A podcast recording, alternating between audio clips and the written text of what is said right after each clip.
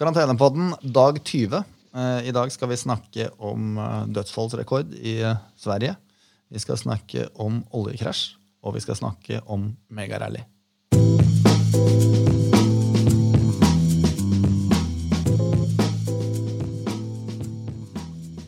Er du med meg, Christian? Det er jeg. For de som tuner inn her første gang, så er jo ikke dette en vanlig situasjon vi er i nå. Og derfor er ikke de sendingene som vi har i Danske Bankers vanlige heller. Vi pleier å sende ukentlig hver fredag. Og nå i denne perioden med koronavirus så har vi en god stund eh, sendt hver eneste dag. Eh, mens nå sender vi annenhver dag. Og vanligvis da så sender vi mandager, onsdager og fredager, men så var Kristian ute og slikket sol og kjørte på ski i går, så da ble det på tirsdag og torsdag isteden denne uken der. Var det bra på snøen, eller, Kristian? Ja, det var fantastisk i Jotunheimen. Jeg tror ikke vi så en sky i løpet av hele dagen og var ute i solsterken i over åtte timer. Så litt rød enkelte steder i dag, men eh, en opplevelse. Det var det. Ja. Noen er oppe i Jotunheimen og kjører ski, mens andre er hjemme sammen med sin kone, som er eh, tre dager over termin. Livet er fylt av urettferdighet. Men ok, gi meg en update på smittesaken, holdt jeg si, på korona. Ja, Nå er du ekspert på Sverige, så vi får komme tilbake til det. Men uh, gjennomgående så er det samme utviklingen egentlig som vi har sett tidligere. At vekstraten både med antall nye smittede og antall nye dødsfall eh, begynner å, å bikke nedover. eh, både i Europa og USA, hvor vekstraten på dødsfall er kommet under 5% og New York også akkurat samme, med en eh, markant bedring i antall nye eh, som innlegges på, på sykehus, og også nye smittetilfeller. Også de landene som man har vært bekymra for i, i fremvoksende økonomier, som f.eks. Brasil og India, ser også nå langt bedre ut, med, med en dødsrate på, på 5-6% Det som er eh, liten sånn bekymring, er jo Singapore, som egentlig er i gang med bølge nummer eh, tre, eh, på sett og vis. Eh, og Kina også ser heldigvis veldig bra ut, hvis man skal stole på statistikken derfra. Med et veldig lite antall nye tilfeller. Det er faktisk, rett før de bikker under 1000 aktive tilfeller. Ja. ja. Eh, ellers er det ikke kommet noe nytt om dette vidundermedisinen Remdesivir, eh, som jo fikk markedene til å hoppe kraftig opp eh, før helgen. Eh, og selv om det er en del eh, lovende resultater fra, fra forsøk eh, til behandling eh, av av covid-19, så har det ikke kommet noe mer nytt rundt eh, Remdesivir, som vi også hadde en liten sånn konspirasjonsteori som vi snakket om på på fredag. Ellers er det mange, det er ekstremt mange prosjekter pågående eh, for å finne både medisiner, men også for å finne eh, vaksiner. Og vi må nok kanskje vente litt på å se resultater, og ikke minst ting som kan faktisk brukes og, og få en eh, effekt. Ja. Men i Sverige, Kristian, der har, Der. Vi nå, der har vi nå bikka 15 000 eh, som er smittet. Eh, de ligger over 500 i døgnet cirka, nye smittede. Eh, og faktisk fra i går til i dag så er det hele 185 dødsfall. Og det må sies å være brutalt, faktisk, i statistikken av alle disse 210 landene som har fått koronasmitte. Eh, så ligger liksom Sverige på topp ti på, på dødslista, og det er jo ganske brutalt. Og vi har jo diskutert det før i tidligere episoder og har kanskje ikke kommet opp med en helt uh, gode forklaringer på det ennå. Men som kjent så har jo Sverige kjørt en litt annen taktikk, og enn så lenge så ser ikke det ut til å fungere spesielt godt. Nei, men, men er dette er, er det liksom et bevis på at den svenske strategien har slått feil? Kan vi liksom si det? Nei, jeg, jeg tror ikke vi kan si det. Men, eh, men samtidig så syns jeg det skrives fint lite om hvorfor det, tallene der, altså dødstallene er så annerledes enn i Norge. At det er greit, ok, det er tre ganger mer, eller dobbelt så mange tilfeller. Men eh, det er 185 døde mot eh, Altså I Norge er det vel ca. 185 nå, er det ikke det? Skal vi se. Norge har 182 døde. Mm. Og, og i, i Sverige nå, så skal vi se, så er det 1765. Det er liksom tigangeren. Så det er jo, For meg så fremstår det i hvert fall underlig. Vi har jo tidligere snakket om de forskjellige dødsratene i Europa. Og vi har også knytta dette opp mot antibiotikaresistens blant annet, og de eh, bakterieinfeksjonene du kan få i kjølevannet av en sånn mm. virusinfeksjon som korona, og at det kan ha store konsekvenser. Det ser ut som Tyskland klarer seg veldig bra i forhold til resten av Europa når det kommer til dødsfall. Eh, men akkurat med Sverige, så for meg så er det foreløpig en eh, liten gåte. Så hvis det er noen som har en god løsning på den gåten, så kan du jo svare på en av dine Twitter-meldinger på Twitter. Ja, men, men, problemet med Sverige også var vel at de, de tillot trafikk inn og ut av uh, aldershjem litt for lenge. Og smitten fikk lov til å spre seg i veldig stor grad i de gruppene som har vært mest utsatt for å bli alvorlig syke og ikke minst dø. Og, og, så har de også noen eh, litt sånn eh, veldig omdiskuterte eh, hypoteser i forhold til dette med flokkimmunitet, som vi også har snakket om tidligere. At de ser på dette med flokkimmunitet som en realitet kanskje allerede i mai for Stockholm sin del. Og at de også tror på denne hypotesen om at en langt større andel av befolkningen faktisk har hatt smitte uten symptomer enn det en del andre land kanskje ligger til grunn. Det, og Derfor så tror de også på at uh, flokkimmunitet er nærmere enn det kanskje norske helsemyndigheter også mener er realistisk. Men er det ikke litt arrogant Kristian, med tanke på at resten av verden uh, fører den policyen og kjører de tiltakene de gjør, men så skal lille Sverige mene nei, de har en smartere måte å gjøre på, så de velger å gjøre det sånn her. Det føles jo litt som om uh, Sverige er med på 'Vil du bli millionær?' og har stilt publikum spørsmål, publikum sier C, og så velger jeg likevel å svare B. Det gjør det. Ja. Ok, Nei, men Vi beveger oss over til markedet. Kristian.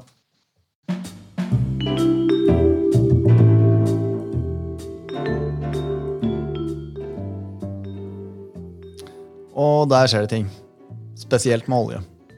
Ja, det gjør det. Eh, det har vært historisk, eh, et historisk døgn, på sett og vis. fordi det som fikk veldig mye overskrifter eh, i, i går kveld, og for så vidt i, i, i morgentimene, det har jo vært at amerikansk såkalt VTI-olje for levering i mai på det meste ble prisa til minus 40 dollar per fat i løpet av handelsdagen i går.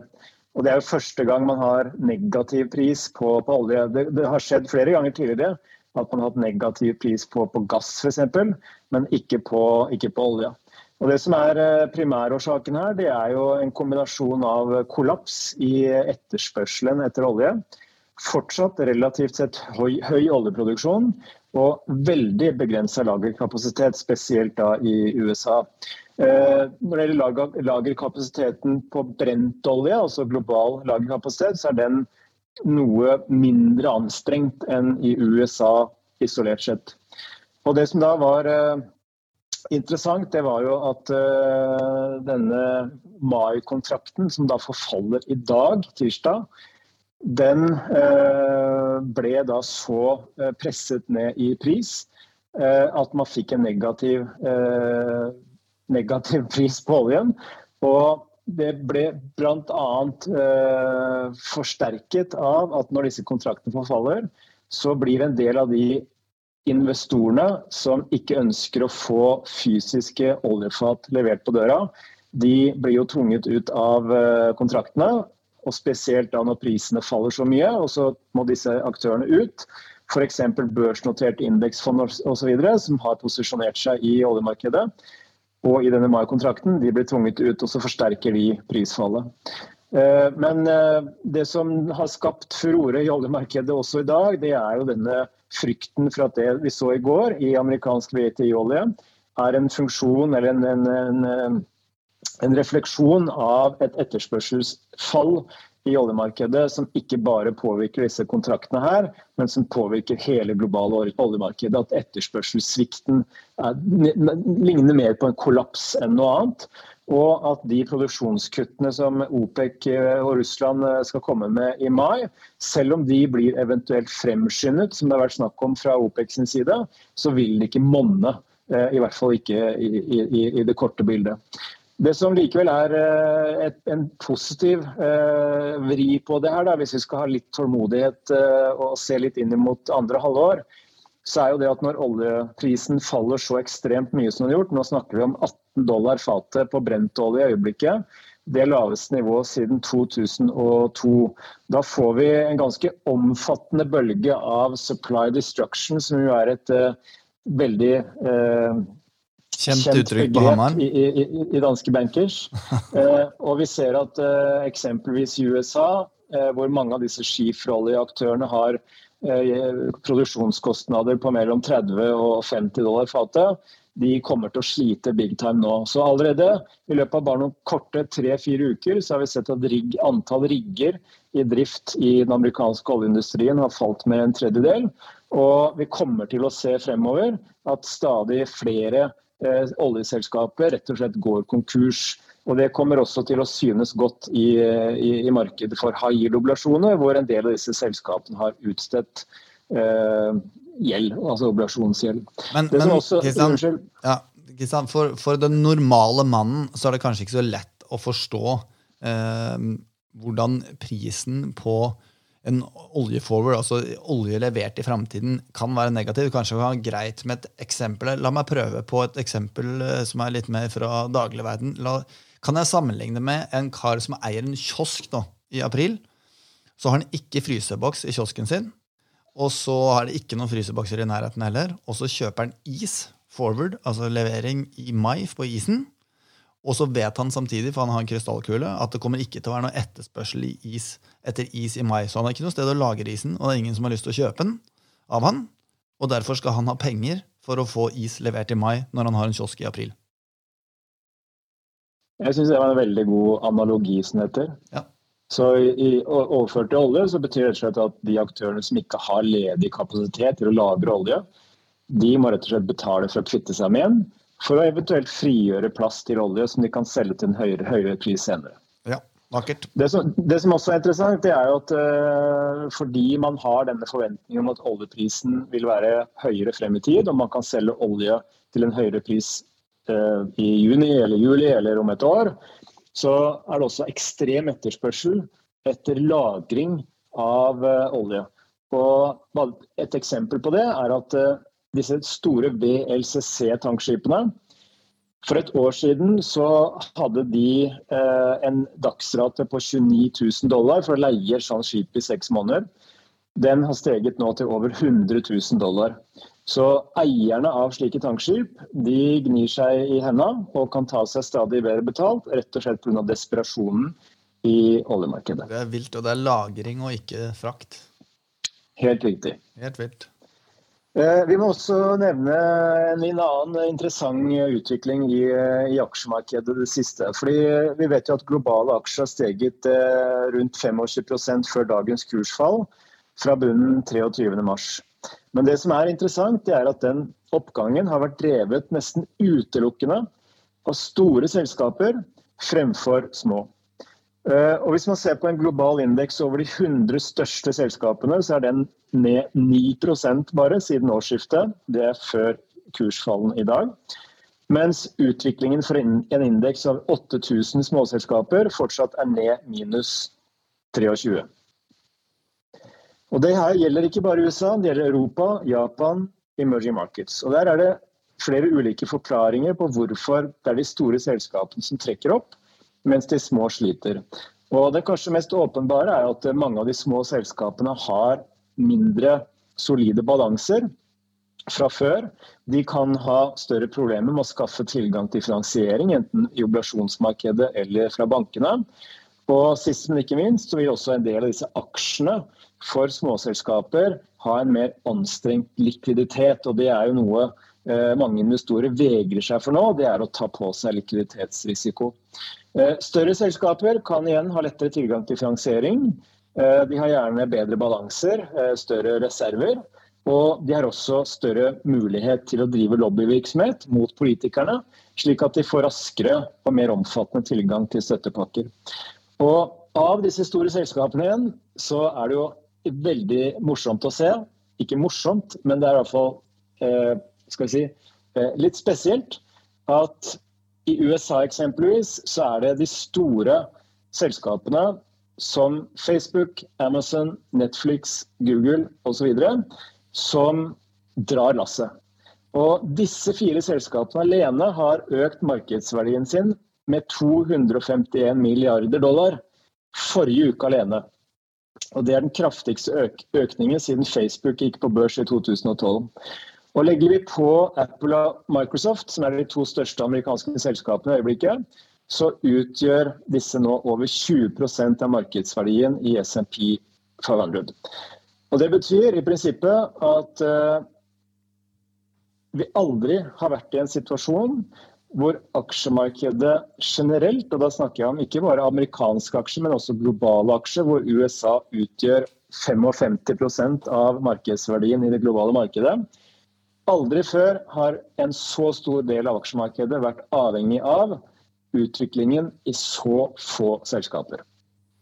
Det er jo litt skremmende, men samtidig så kan jo det du sier her, tyde på at det er mulig at eh, Mr. Soros sin investeringsstrategi ikke er så halvgæren. Det kan godt være. Og det er ingen tvil om at hvis disse selskapene drar nytte av koronakrisen, styrker sine markedsposisjoner, opprettholder en rimelig grei inntjeningsvekst fremover relativt til resten av markedet, så kan disse store selskapene være et uh, redningsnett uh, og en slags absorberende faktor som bidrar til at kursen ikke faller veldig mye. Gitt at de holder hodet over vann, selvsagt. Ok, ja, Det får vi følge tett med. Er det noe mer å melde i dag, Kristian? Ja, jeg vil også ta med at, uh, som jeg snakket litt om tidligere også, mener jeg, at uh, det spriker noe voldsomt i makroanalytikernes vekstanslag, ikke bare for amerikansk økonomi, men for global økonomi. Og en veldig kort uh, fun fact det er at tall fra Bank of America viser at variasjonene, altså spredden i BNP-vekstanslag, nå er fire, mer enn fire ganger så høy som det nest høyeste nivået vi har sett tidligere i historien, og det var i 1975. Så folk har rett og slett ikke peiling, selv om dette er veldig oppegående analytikere som sitter med tilgang til stort sett akkurat den samme informasjonen. Og det sier jo noe om hvor sikker den informasjonen vi faktisk har nå, er. Helt håpløst å vite. Ja. Nei, men da er det godt at det er noen av oss som eh, følger med, Christian. Ta, eh, vi anbefaler våre lyttere å følge deg på Twitter, og det er handle at liechr. Eh, og så vil jeg også anbefale alle å melde seg på webinar som Christian kjører hver mandag. Da kan du gå inn på danskebank.no slash koronawebinar. Korona med C og K fungerer, og så kan du melde deg på der. Det er vel verdt det. Ja, og i går, når jeg da var i Jotunheimen, så var det forvalter av norske aksjer i Danske Bank, Lars Erik Moen, og Jakob Børs Lind, som er uh, kanskje Norges skarpeste renteforvalter, som uh, også deltok i webinaret. Ja, det skal også pløyes. Og det hender jo at uh, du har med deg noen makere av og til. Ja, det gjør det. Uh, ulike forvaltere eller uh, sjeføkonomen for norsk økonomi, Frank Julium, pleier også å være med på disse webinarene. Ja, jeg skal ikke ta det som noen fornærmelse etter å ha sittet og prata marked med deg i to år og aldri blitt invitert på noen av webinarene dine. Så det, det er greit, det. Takk skal du ha, Kristian. Bare hyggelig. Ja, Vi snakkes, da. Det gjør vi.